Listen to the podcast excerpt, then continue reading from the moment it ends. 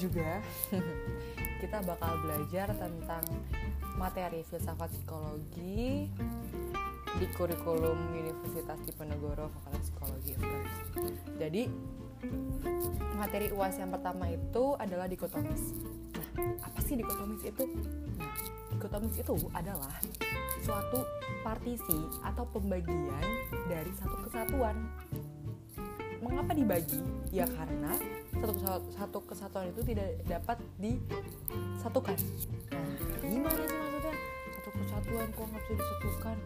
Ibaratkan satu kesatuan itu adalah manusia dan di dikotomisi menjadi ada jiwa dan tubuh.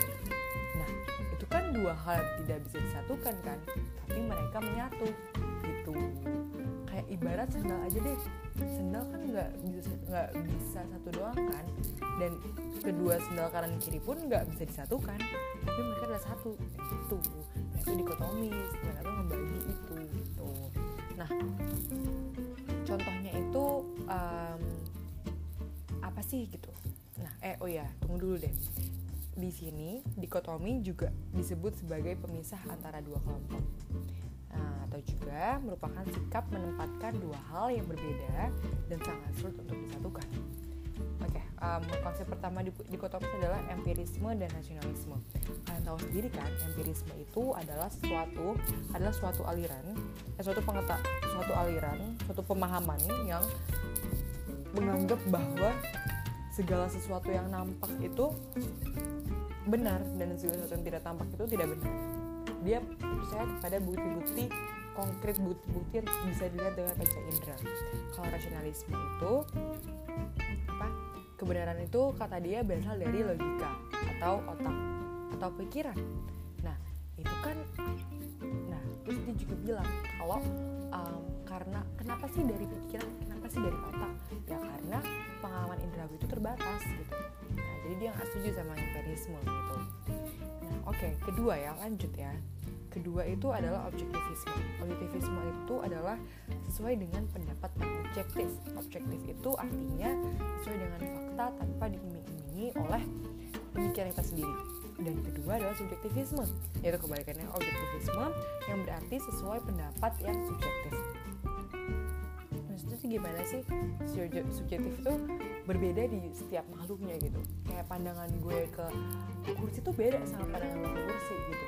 Pandangan gue tentang rumah tuh beda sama pandangan lo tentang rumah. Itu namanya subjektivisme karena subjektif gitu loh. Kayak nggak ada nggak ada pastinya gitu lanjut yang ketiga konsep dikotomis yang ketiga adalah positivisme dan idealisme positivisme itu adalah sesuatu apa harus memakai prinsip yang prinsip yang didasarkan oleh data yang observable, observable. Jadi bisa diobservasi gitu, bisa dilihat lah. Itu sama aja kayak empirisme lah intinya gitu. Dan idealisme ya sama aja sebenarnya sih sama kayak rasionalisme. Pengetahuan yang benar ada pada pemikiran di setiap manusia gitu. Oke. Okay? Oke, okay, itu sih yang dikotomis. Sekian, dikit banget kan?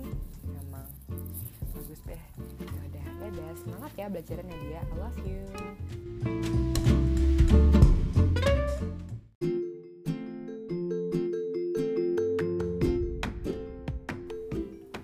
Hai, balik lagi bersama gue di sini mahasiswa psikologi Universitas Diponegoro. Oke, lanjut ke materi selanjutnya ya, yaitu adalah positivisme dan positivisme logis beserta kritiknya dari Karl Popper.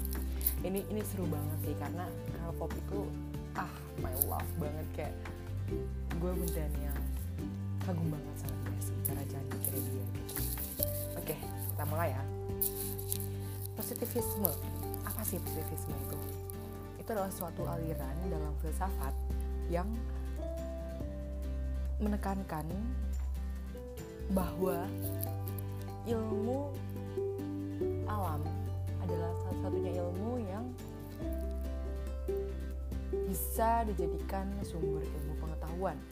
Dan dia bener-bener menolak banget sama yang namanya metafisis. Ya dia dan si positivisme ini beneran yang beranggapan kalau ilmu ilmu alam itu beneran jadi sumber ilmu pengetahuan gitu. Nggak ada nggak ada ilmu ilmu lain yang bisa menjadi sumber ilmu pengetahuan kecuali ilmu alam gitu. Dan di sini kenapa sih ada aliran ini gitu? Sebenarnya aliran ini tuh baik tujuannya karena emang psikologi yang mempelajari hal-hal yang tidak terlihat nggak kayak dokter yang mempelajari hal-hal yang terlihat sakit-sakit fisik yang terlihat kalau psikologi itu mempelajari hal-hal yang tidak terlihat gitu. Kayak misalkan penyakit mental lu atau depresi lu sedih lu itu nggak kelihatan kan di depan gitu. Di dunia nyata gitu which itu membuat orang susah buat belajar dan percaya sama psikologi gitu. Nah maka dari itu di sini positivisme hadir untuk meyakinkan orang-orang bahwa psikologi itu ada kok. Masa psikologi itu bisa dijadikan ilmu pengetahuan kok. Nah makanya dia hanya mempelajari ilmu psikologi yang dapat terlihat oleh panca indera yang bisa diamati, yang bisa diobservasi itulah gunanya, tujuannya si positivisme ini gitu ya. Dan positivisme ini tuh tidak mengenal adanya spekulasi. Semuanya itu berdasarkan empirisme. Positivisme itu malahan juga disebut sebagai empirisme.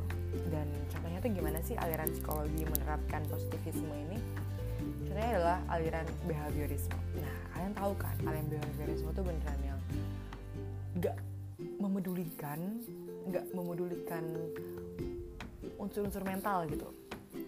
Iya dia cuma memahami tentang perilaku manusia. Perilaku kan terlihat ya itu dia yang dicari oleh behaviorisme. Dan itu salah satu mazhab terpenting dalam psikologi loh behaviorisme gitu dan um, positivisme ini dicetuskan oleh dulu belajar dulu belajar di sosiologi namanya bapak bapak sosiologi siapa? Auguste Comte. Auguste Comte. Ya dulu sih kak itu bilangnya Auguste Comte ya. Ya udahlah ya. Ya seperti itu. Terus lanjut nih. Si positivisme nah, si positivisme ini tuh nggak sampai di sini aja. Dia tuh masih anggap anjir gue masih kurang nih gue harus berkembang lagi gitu muncul deh namanya positivisme logis positivisme logis itu apa sih gitu? Dia adalah pengembangan dari positivisme yang dikembangkan yang dipelopori oleh tokoh di lingkaran Bina lingkaran Bina itu adalah suatu lingkaran yang berisinya kayak psikologi psikologi gitulah pokoknya psikolog psikolog gitu yang dari Wina gitu. Namanya tuh Moritz Sklik nah tahu nama gimana bacanya tapi kayak Moritz Z S C H L I C K. Sklik lah itu lah ya pokoknya. Ya lo tau lah gimana. Oke okay, jadi apa sih positivisme logis ini? Dia itu adalah aliran atau pemikiran di dalam filsafat yang membatasi pemikiran pikirannya pada sesuatu yang dapat dibuktikan saja.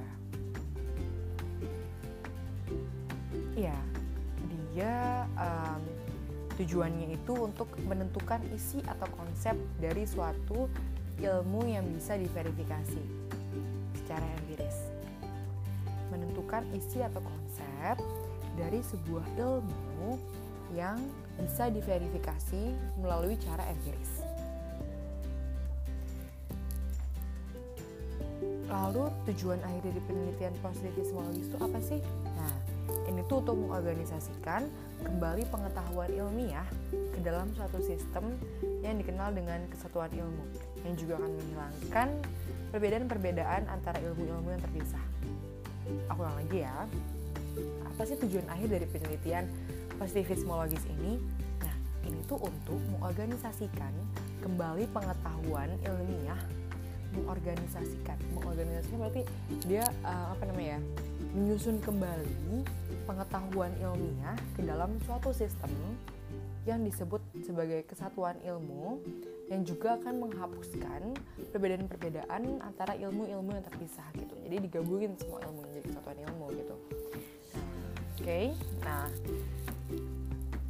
aku akan bahas lagi tentang kalian pasti ingat deh kan pernah belajar tentang teologis, metafisis dan positivis. Nah, ini nih tentang August Comte nih. Di August Comte ini dia merumuskan tiga tahap perkembangan masyarakat. Dari dulu banget sampai sekarang. Dulu banget masyarakat um, masih masih berada di tahapan teologis. Apa sih tahapan teologis itu? Tahapan teologis itu apa sih namanya um, itu loh. Kayak dia tuh percaya kepada hal-hal yang um, goib gitu. Yang nggak ada bukti empirisnya gitu. Kayak misalkan um, percaya kepada roh nenek moyang atau percaya kepada um, apa segala macam binatang mistik segala macam gitu. Nah itu masih kuat banget lah masih kental banget apa unsur-unsur mistisnya gitu. Itu ya, zaman dulu emang kayak gitu kan oke? Okay? terus berkembang lagi nih untuk manusia. Wah wah gue nggak bisa lihat. Masa masa bener sih gitu? Tapi masih di ambang nih masih di tahap namanya tahap um, metafisis. Di mana misalkan dia itu melihat nih dia melihat suatu kejadian.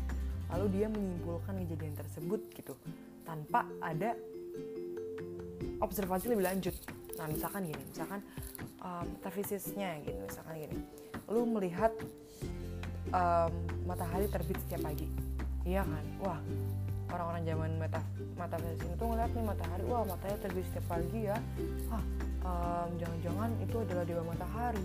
Um, dia memberikan kita adalah mereka eh, dia memberikan kita hidup gitu. Nah itu kan maksudnya berdasarkan pengalaman berdasarkan panca indera kita kan berdasarkan empirisme tapi tidak dikaji lebih lanjut lagi. Oh itu bukan dewa ternyata itu hanyalah bintang gitu gitu. Nah sekarang udah nih terus habis dari metafisis itu muncullah uh, tahapan lagi. Ini tahapan yang paling akhir yang sampai sekarang masih kita anut masih masih kita masih berada di tahap masih berada di tahapan ini gitu namanya tahapan positif. Nah ini nih positif itu ini mengambil nama dari positivisme di mana kita um, mempercayai bahwa ilmu pengetahuan itu hanya berasal dari ilmu alam. Atau ilmu pengetahuan itu hanya apa namanya um, berasal dari hal-hal yang empiris dan bisa dibuktikan secara pengamat secara apa sih secara ilmiah gitu. Nah itu positif. Nah Comte beranggapan positivisme adalah cara pandang dalam memahami dunia berdasarkan sains.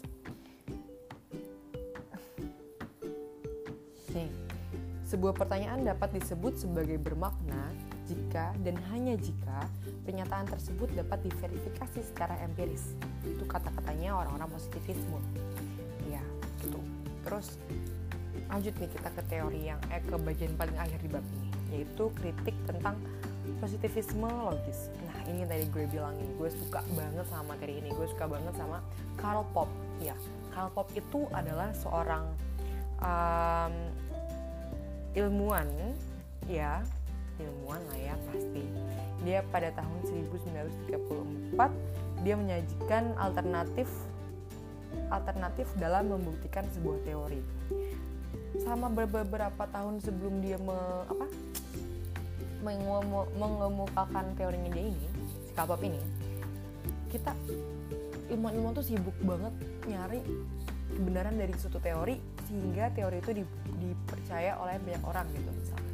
Eh nggak misalkan sih saya gitu. Maksudnya banyak eh um, jadi um, sebelum ini sebelum Karpov menyatakan pendapatnya ini ilmuwan-ilmuwan itu berlomba-lomba untuk mencari kebenaran dari suatu teori untuk membenar untuk uh, membenarkan teori tersebut. Eh para ilmuwan itu berlomba-lomba untuk membenarkan satu teori gitu. Nah itu tuh. Tapi si Karl Popper si Karl Popper ini dia nggak gitu. Dia berpikirannya nggak kayak ilmuwan-ilmuwan yang sebelum ini gitu. Um, dia di sini bilang kalau um, namanya uh, membuktikan eh, cara satu-satunya cara yang lebih mudah untuk membuktikan suatu teori itu benar atau tidak adalah mencari kesalahan dari teori-teori lain gitu, teori-teori yang lain gitu. Nah, makanya dia membuat suatu jalan baru bernama falsifikasi, yaitu membuktikan bahwa satu teori itu salah. Nah, terus yang gue bilang tadi yang ilmuwan-ilmuwan tuh berusaha untuk dulu dulu sebelum Karl ini ilmuwan tuh berusaha untuk membenarkan suatu teori itu namanya verifikasi. Nah terus sama si Karl ini tuh verifikasinya tuh dianggap sangat lemah. Karena apa? Karena hanya bekerja melalui logika induksi. Apa sih logika induksi itu nah itu tuh adalah penyimpulan suatu-suatu teori umum dari pembuktian fakta partikular. Jadi cuma menyimpulkan apa ya kayak verifikasi itu kayak lo ngeliat dari itu doang dari teori suatu teori umum doang gitu maksudnya. Itu sangat lemah banget. Dan si Karl Popper bilang gini yang, mem yang memberikan kebenaran mutlak adalah falsifikasi bukan verifikasi. Hal ini berbeda dengan positivisme yang meyakini kebenaran mutlak suatu teori selama ini suatu, suatu teori adalah saat teori tersebut sudah melalui proses verifikasi sesuai standar ilmiah positivisme. Gitu. Tapi yang perlu kita garis bawahi di sini, si Popper ini tuh gak bermaksud buat membenarkan teori kedua dan menyalahkan teori pertama. Ya dia cuma mencari kesalahan dari suatu-suatu teori, dia nggak berniat untuk menjatuhkan suatu teori itu untuk membangun teori yang lainnya gitu. Jadi dia menyampaikan subjektivisme di sini. Ya, sekian pembelajaran di teori kedua UAS ini um, udah selesai deh. Ya dadah. Semangat pelajaran ya dia I love you so much.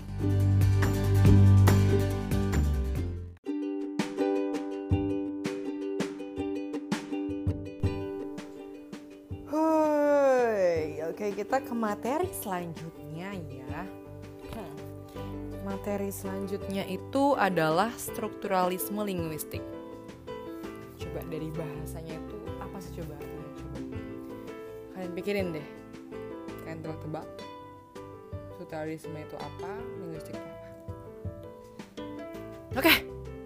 Sudah habis waktunya. Pasti anjing? Oke jadi lu gatel banget pada gue. Nah, ini gak penting. Jadi gini. Strukturalisme linguistik adalah metodologi yang digunakan untuk mempelajari ilmu-ilmu kemanusiaan menggunakan titik tumpu prinsip-prinsip linguistik. Saya ulangi lagi ya. Metodologi yang digunakan untuk mempelajari ilmu-ilmu kemanusiaan dengan bertitik tumpu pada prinsip-prinsip linguistik. Jadi lu mempelajari ilmu-ilmu tentang kemanusiaan yang menggunakan prinsip-prinsip linguistik gitu. Oke. Okay. Ini tuh ditemukan oleh Ferdinand de Saussure. Saussure. Saussure. Oke, okay, gue gak tahu gimana pronounce-nya ya. Yang penting si Ferdinand de Saussure ini dia dari Swedia dan dia menciptakan konsep bahasa. Enggak, bukan dia sih sebenarnya cuma dalam strukturalisme linguistik ini terdapat konsep bahasa. Ada 8 konsep bahasa. Yang pertama adalah signifier. Signifier itu adalah uh, pedoman, eh pedoman, penandaan dan bunyi yang bermakna. Ini tuh contohnya adalah kata-kata yang bisa dilihat, sesuatu yang bisa dilihat, sesuatu yang bisa dibaca, sesuatu yang bisa didengar, sesuatu yang bisa diucapkan, adalah signifier. Nah, gue ngomong signifier pun adalah signifier. Dan signifier adalah signifier. Gitu. Oke. Okay. Dan selanjutnya adalah signified. Signified itu adalah aspek mental dari bahasa. Jadi dia tuh mencakup kayak ideologi, pemikiran, dan konsep-konsep. Oke, lanjut ke yang ketiga ya, namanya language atau dibacanya lang. Leng ini adalah suatu bahasa yang mengandung makna dan dipakai oleh masyarakat. Ulangi lagi ya. Leng adalah bahasa yang mengandung makna dan dipakai oleh masyarakat. Contohnya itu seperti tempat menaruh buku. Itu. Itu adalah bahasa yang mengandung makna dan dipakai oleh masyarakat gitu okay, selanjutnya adalah parole. Bro, parole itu singkatnya adalah um, bukti konkret dari leng. Jadi yang tadi leng itu contohnya adalah tempat menaruh buku, ya parolnya adalah rak buku gitu. Selanjutnya adalah sinkronik dan diakronik. Sinkronik itu adalah menyempit di waktu dan melebar di ruang, Sedangkan diakronik itu adalah melebar di ruang eh melebar di waktu dan menyempit di ruang. Sinkronik itu contohnya gini. Um, masa penjajahan di Makassar pada kurun waktu 1928 sampai 1940 gitu.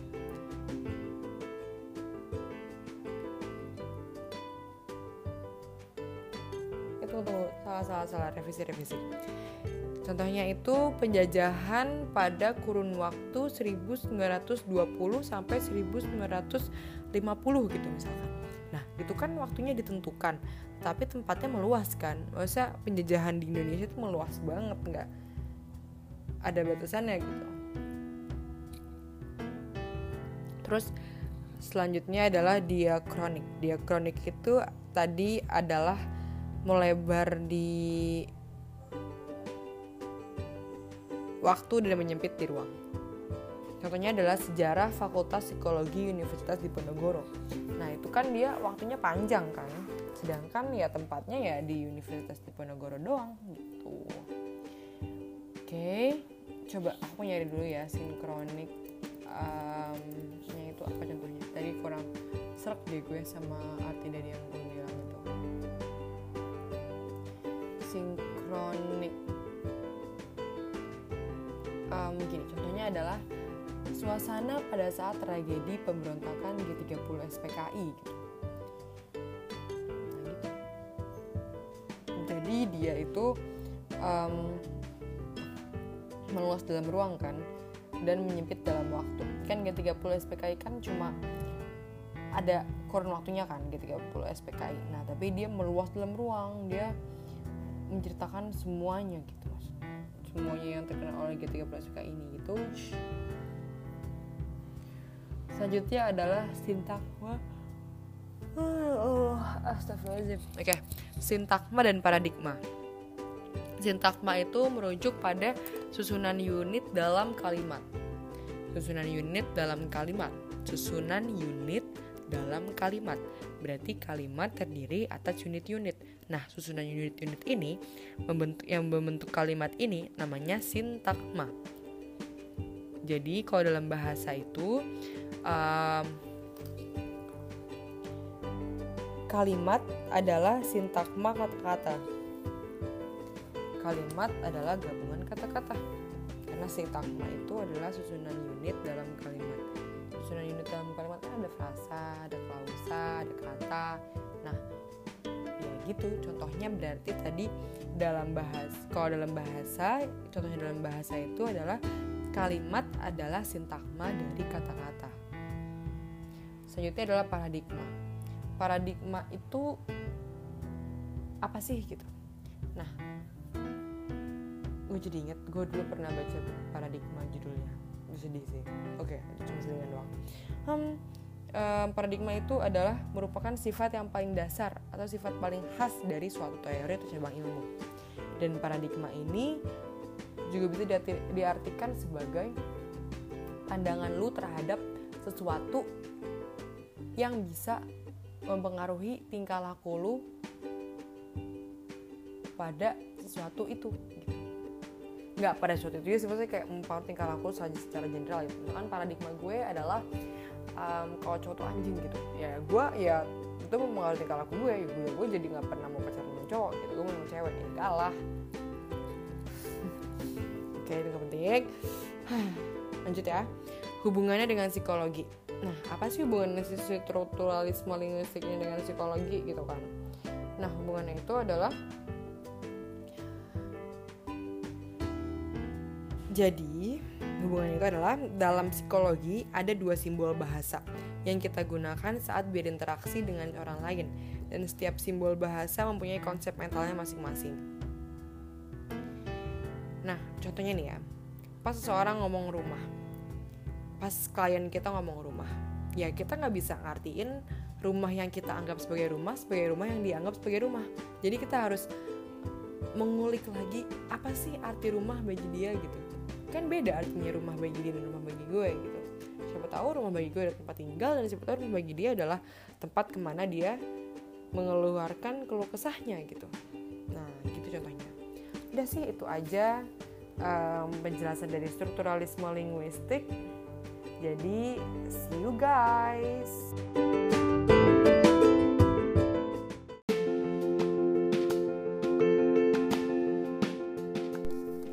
Hai, balik lagi bersama gue ke materi selanjutnya ya, yaitu keterkaitan-keterkaitan yang pertama. Jadi, di sini tuh materi keterkaitan tuh dibagi jadi dua. Jadi keterkaitan tuh kayak keterkaitan antara filsafat dan psikologi. Nah itu di, di apa dibagi jadi dua segmen. Jadi sekarang yang pertama, yang pertama itu pun terbagi jadi empat bagian. Yang bagian pertama itu positivisme dan uh, psikologi psikoanalisis yang kedua adalah filsafat fenomenologi dengan psikologi psikologi analitis yang ketiga adalah positivisme dan pragmatis dan psikologi behaviorisme yang keempat adalah rasionalisme dan psikologi kognitif oke kita yang pertama ya yang ke psikologi psikoanalisis dan positivisme. Pertama-tama kita harus bedah dulu nih satu-satu. Apa sih psikoanalisis itu? Apa sih um, positivisme itu? Kalau positivisme kan baru tadi kita bahas ya. Positivisme itu adalah segala sesuatu ilmu yang percaya, hanya percaya kepada ilmu yang dapat dibuktikan oleh panca indera dan dibuktikan secara empiris serta observable. Itu observable sama kayak kan? Oke, okay, dan psikoanalisis adalah mempelajari dunia yang tak terlihat.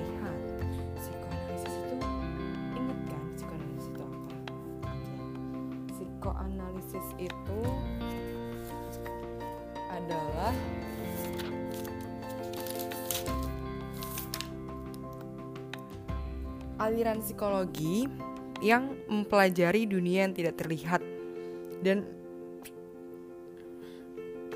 menentukan kepribadian kita. Disebut sebagai subconscious dan un, un and unconscious. Psikoanalisis itu dalamnya ada psikoseksual yang kata ada oral, anal, falik, laten sama genital. Oral, anal,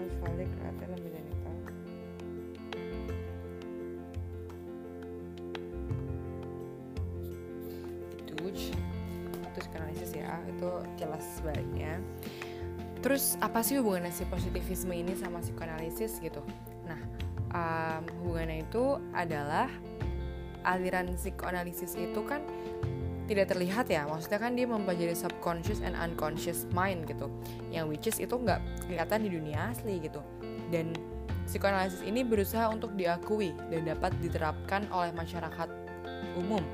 Jadi psikoanalisis itu berusaha untuk mengadopsi ajaran-ajaran positif, positivisme gitu. Dia berusaha untuk memperlihatkan bukti nyata dari uh, dunia yang tidak terlihat itu. Jadi subconscious and unconscious mind. Lalu yang kedua itu adalah fenomenologi dan psikologi analitis. Um, lanjut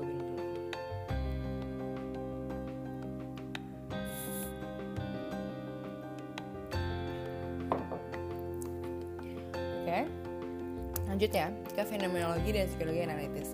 Kita bedah lagi nih sekarang um, fenomenologi itu apa psikologi analitis itu apa? Nah fenomenologi itu adalah sesuatu yang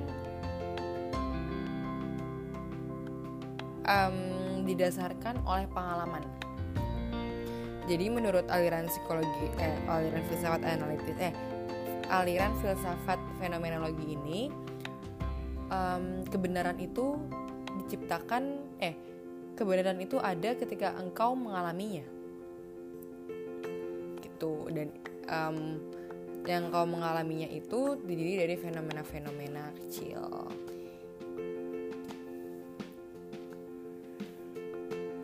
Fenomena-fenomena kecil ini disusun lagi oleh objek-objek yang lebih kecil lagi. Misalkan fenomena lalu diterima di Fakultas Psikologi Universitas Gajah Mada gitu ada objek-objek kecilnya kayak misalkan lo inget saat lo belajar SBM itu lo inget saat betapa pusingnya Allah untuk mengerjakan SBM dan segala macamnya dan akhirnya lo keterima di UGM gitu. Objek-objek kecil itu membentuk suatu fenomena dan fenomena itu mem, apa membentuk suatu pengertian terhadap suatu hal. Ya pasti beda lah masa orang yang fenomenanya dia keterima UGM sama yang fenomena dia nggak keterima UGM pasti pengertian dia terhadap sesuatu sesuatu itu beda pasti. Misalkan ya orang yang keterima UGM gitu. Dia menganggap bahwa kerja keras itu apa um, berbuah hasil yang manis gitu. Sedangkan yang nggak keterima UGM tuh menganggap kerja keras itu sama aja nggak um, membuahkan hasil yang manis nah gitu.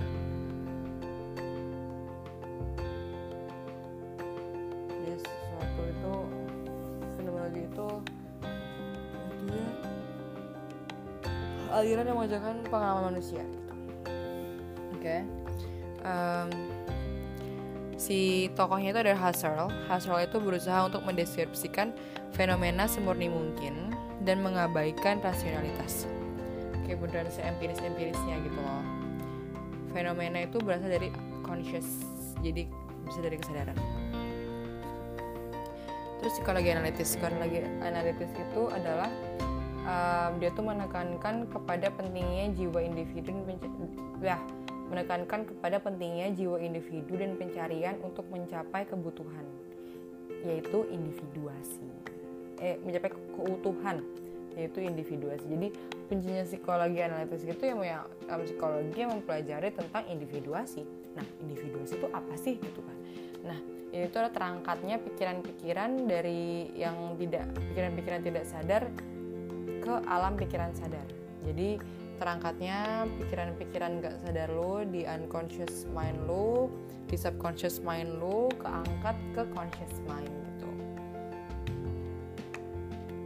Ibarat lo itu harus menenangkan air untuk melihat bulan dengan jelas. Gitu. Um, jadi hubungannya apa sih antara fenomenologi dan psikologi analitis ini hubungannya itu ya psikoanalogi psikologi analitis itu ya membutuhkan fenomena-fenomena untuk mencapai suatu individuasi untuk mencapai suatu hasil itu individuasi. Lalu yang ketiga itu adalah positivisme pragmatis dan behaviorisme. Positivisme itu apa pragmatis itu apa dan behaviorisme itu apa? Jadi positivisme itu yang udah kita jelasin dari tadi ya positivisme itu adalah sesuatu ilmu yang um, percaya bahwa ilmu yang observable itu ilmu yang benar gitu. Ilmu alam itu adalah ilmu yang salah satunya sumber pengetahuan gitu. Kayak begini empirisme. Lalu pragmatisme itu adalah melihat hasil akhir.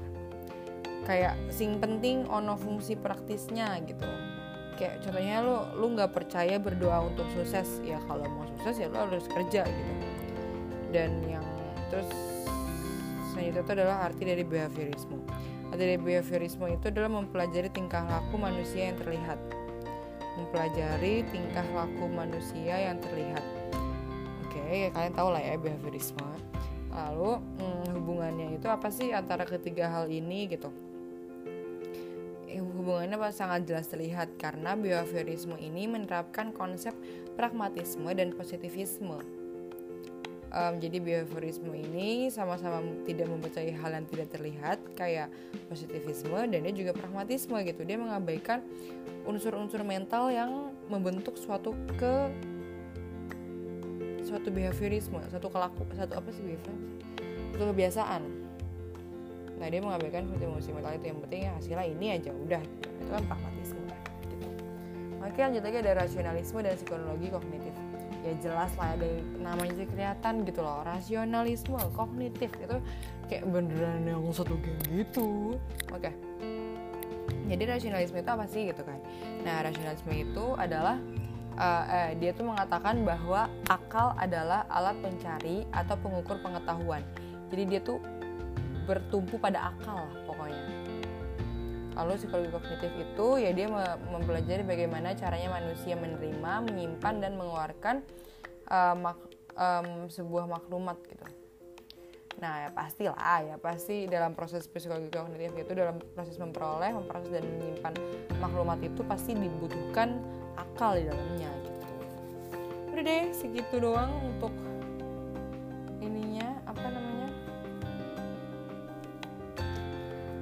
um, penjelasannya ya. Ada lagi. Ada lagi sih masih ada tiga materi lagi.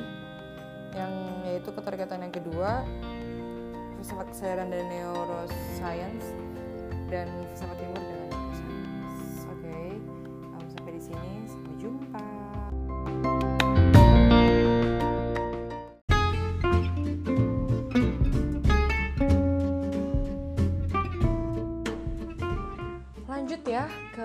selanjutnya keterkaitan kedua. Keterkaitan kedua ini um, ada tiga segmen. Ada tiga segmen ada tiga bagian di sini. Oke okay. jadi yang pertama itu adalah fenomenologi dan psikologi gestalt.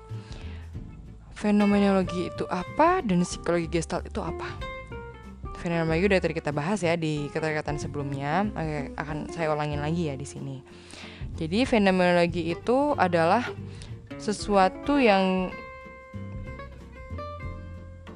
kita alami yang dapat membentuk kita.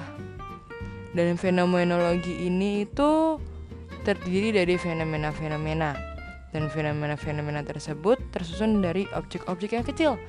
Jadi, kita harus memaknai objek-objek ter objek-objek terkecil tersebut menjadi sebuah fenomena lalu kita memaknai fenomena tersebut menjadi sebuah arti. Gitu. Contohnya, yang tadi saya bilang yang UGM-UGM itu ya oke okay. lalu yang uh, mau diulang lagi oke okay. nggak usah lah um, oke okay, jadi yang pertama itu eh udah kok pertama sih jadi selanjutnya itu adalah psikologi gestalt ya kalian tahu lah psikologi gestalt itu apa. Psikologi gestalt itu um, dia itu uh, memandang bahwa suatu objek dipandang secara menyeluruh um, dan terorganisasi. Jadi jadi suatu objek itu dipandang secara menyeluruh dan terorganisasi. Jadi dia tuh um, memandang sepeda itu ya sebagai sepeda bukan sebagai rantai stang ban atau gear gitu sehingga saat ini tuh melihat bahwa kumpulan ban gear rantai stang segala macam itu adalah sepeda gitu terus um, apa sih hubungannya antara fenomenologi dan psikologi gestalt gitu hubungannya adalah karena keduanya tuh beranggapan bahwa sesuatu itu terdiri dari hal-hal yang lebih kecil dan tugas kita adalah untuk memaknainya. Seperti pada terapi gestaltnya. Terapi gestalt itu di situ bertujuan untuk menyadarkan bahwa fokus utama dia adalah masa sekarang dengan prinsip dia sendiri dan, dan tidak diatur oleh lingkungan sekitar dia.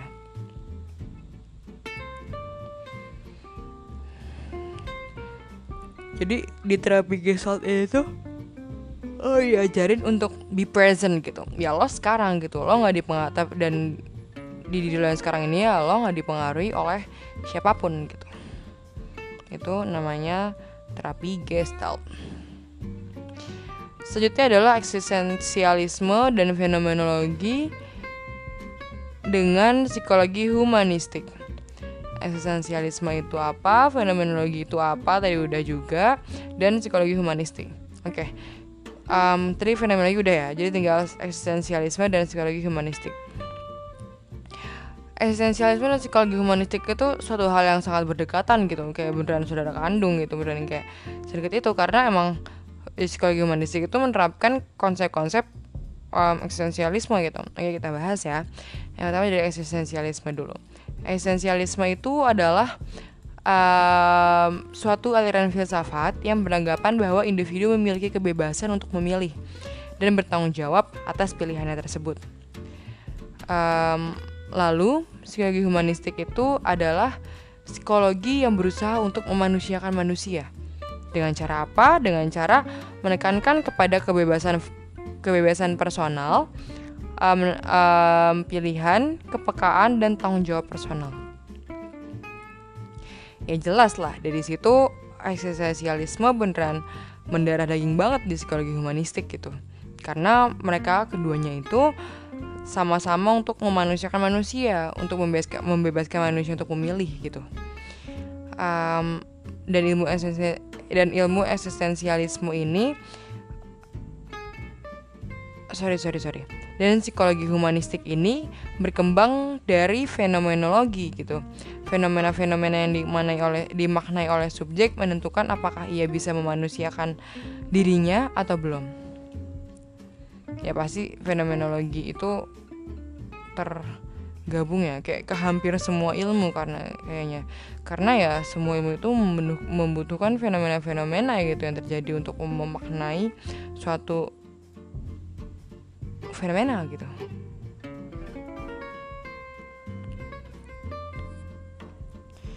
Oke, okay, terus selanjutnya adalah filsafat postmodern dengan filsafat timur dan psikologi transpersonal. Oke, di sini kita udah dapat gambaran lah ya. Filsafat timur sama psikologi transpersonal itu beneran sedekat itu juga kan. Um, Oke, okay, kita pertama bahas dulu nih yang kita nggak tahu yaitu filsafat postmodern. Jujur gue juga baru, baru pertama kali dengar filsafat postmodern tuh di sini doang gitu di pelajaran filsafat yang ini. Oke, okay, artinya itu adalah segala kritik atas pengetahuan universal. Jadi postmodernisme itu mengkritik pengetahuan universal.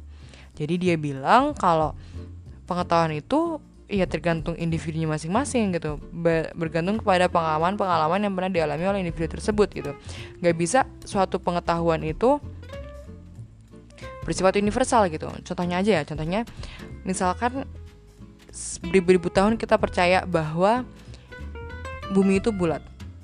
Itu semua orang kan percaya bahwa bumi itu bulat dan sejauh dulu tuh nggak ada yang mengkritiknya gitu. Jadi itu bisa dibilang sebagai pengetahuan universal yang sudah sangat pasti gitu. Kita juga tahu pasti kan kalau apa um, itu tuh pasti gitu kalau bumi itu bulat gitu. Itu adalah suatu ilmu universal. Tapi sekarang apa? Sekarang ada gerakan bumi datar gitu. Yang which is itu membuat pengetahuan bumi bulat itu tidak menjadi lagi tidak lagi menjadi pengetahuan universal gitu. Maksudnya pengetahuan sepasti dan sekonkret itu aja bisa digoyahkan gitu. Nah jadi dia tuh beranggapan nih si siapa namanya? Eksistensialis ini beranggapan bahwa eksistensialis apa si postmodernisme ini beranggapan bahwa apa namanya nggak ada pengetahuan yang bersifat universal gitu. Oke? Okay? lalu filsafat timur sekarang. Filsafat timur itu adalah aliran yang menitik beratkan ajarannya kepada hal-hal yang bersifat naturalistik kepada hal-hal yang tidak dapat terlihat gitu. Ya kayak conscious eh subconscious dan unconscious itu benar dibahas banget di psikologi timur. Dan eh filsafat timur. Uh, lalu selanjutnya adalah psikologi transpersonal psikologi transpersonal itu adalah cabang ilmu psikologi yang mengintegrasikan cabang ilmu psikologi yang mengintegrasikan aspek spiritual dan aspek transendensi. Gitu. Terus hubungannya itu apa sih di antara mereka bertiga gitu kan? Hubungannya itu adalah Psikologi transpersonal ini menerapkan hukum postmodernisme, yaitu kebenaran adalah relatif yang dan harus dibuktikan dengan pengalaman yang digunakan di spiritual question. Selanjutnya itu adalah hal-hal naturalistik merupakan salah satu penunjang dari psikologi transpersonal. Jadi um, filsafat timur itu sangat menunjang psikologi transpersonal gitu. Karena filsafat timur itu mempelajari tentang hal-hal yang bersifat naturalistik dan psikologi transpersonal itu secara kasar juga mempelajari itu gitu. Karena dia mempelajari aspek spiritual dan transendensi itu di mana itu adalah hubungan vertikal kita dengan yang di atas. Dan itu tidak bisa dilihat oleh mata langsung gitu. Oke? Ya sekian adalah materi keterkaitan kedua. Kita lanjut lagi ke materi dua materi lagi. Semangat ya Nadia. Semangat semangat semangat. I love you so much and you are so good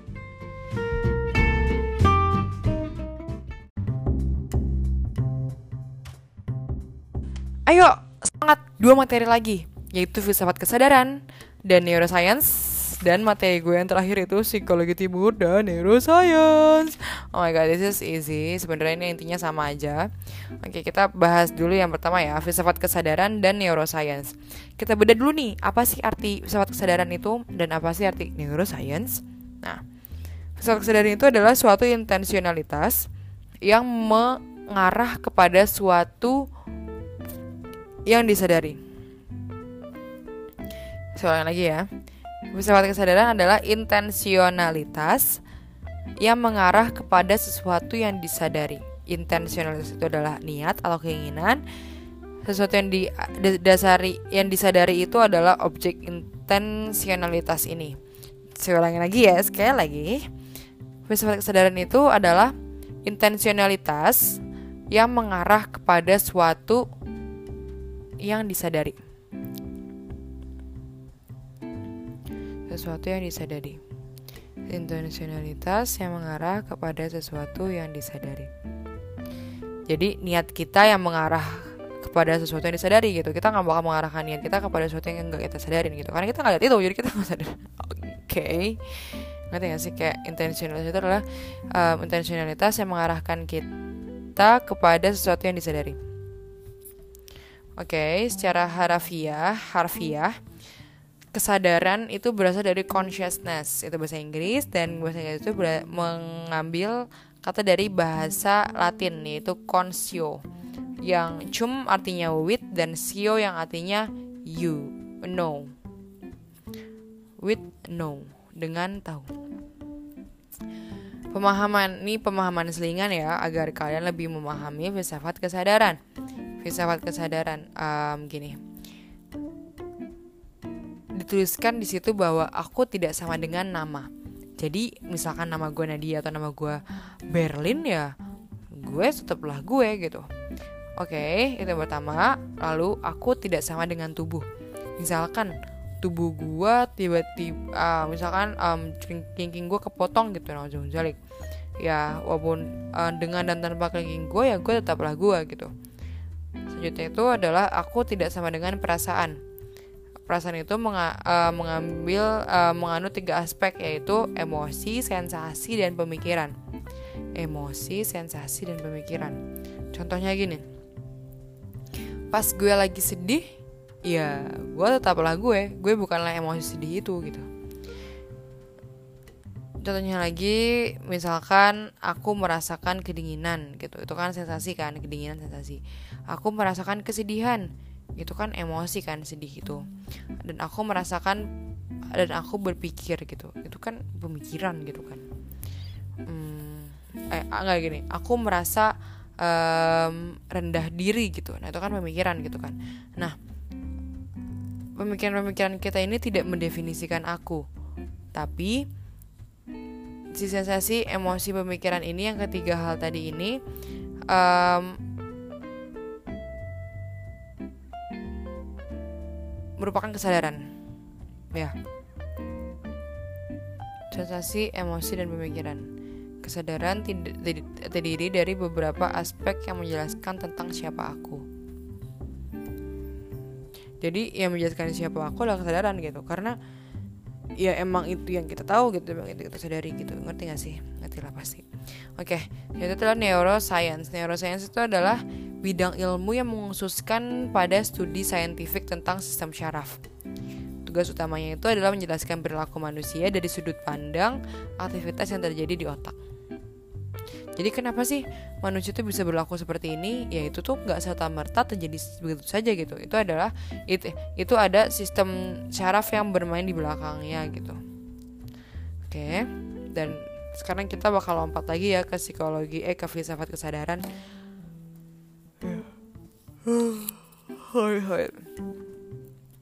Yang pertama itu adalah konsep-konsep psikologi kesadaran. Yang pertama itu adalah konsep monoisme, itu adalah sendiri yaitu adalah pandangan bahwa jiwa eh materi dan alam pikir itu adalah satu. Kayak jiwa dan tubuh itu adalah satu itu monoisme.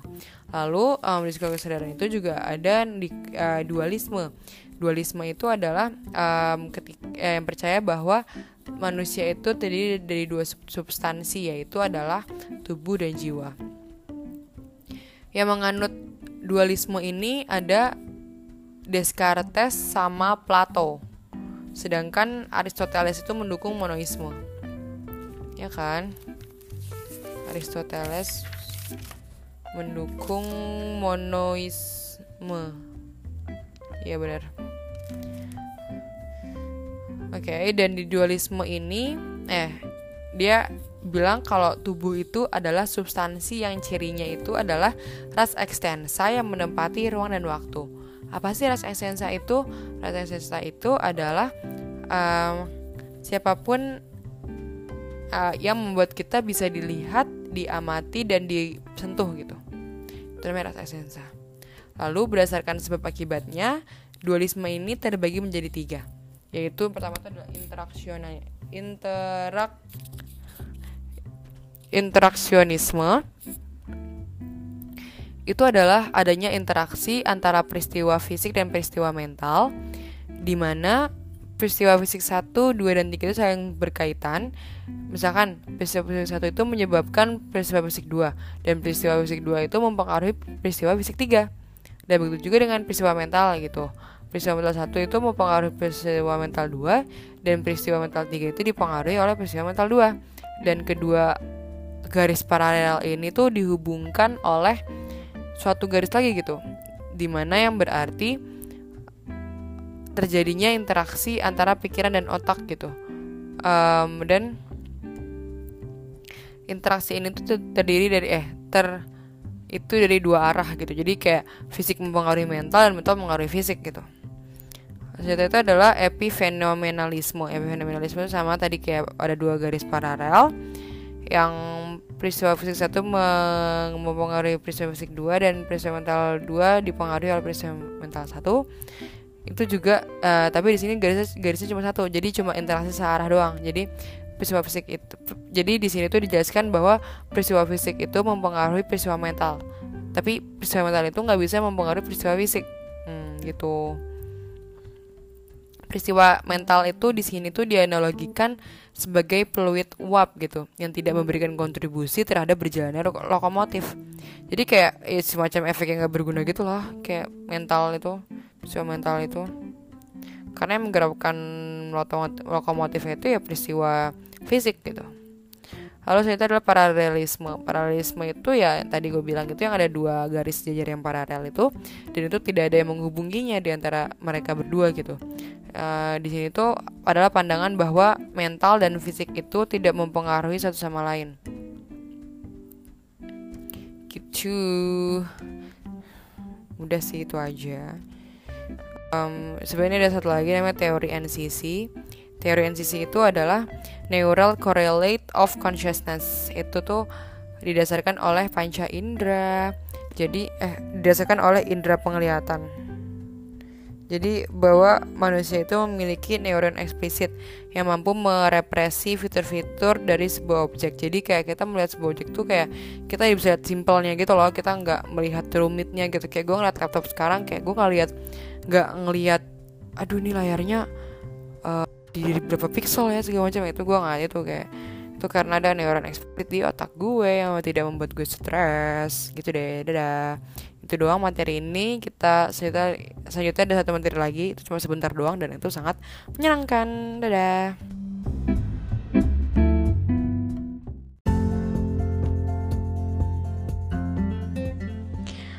Oke, lanjut ke materi UAS terakhir yaitu di mana materi filsafat psikologi semester 1 berakhir.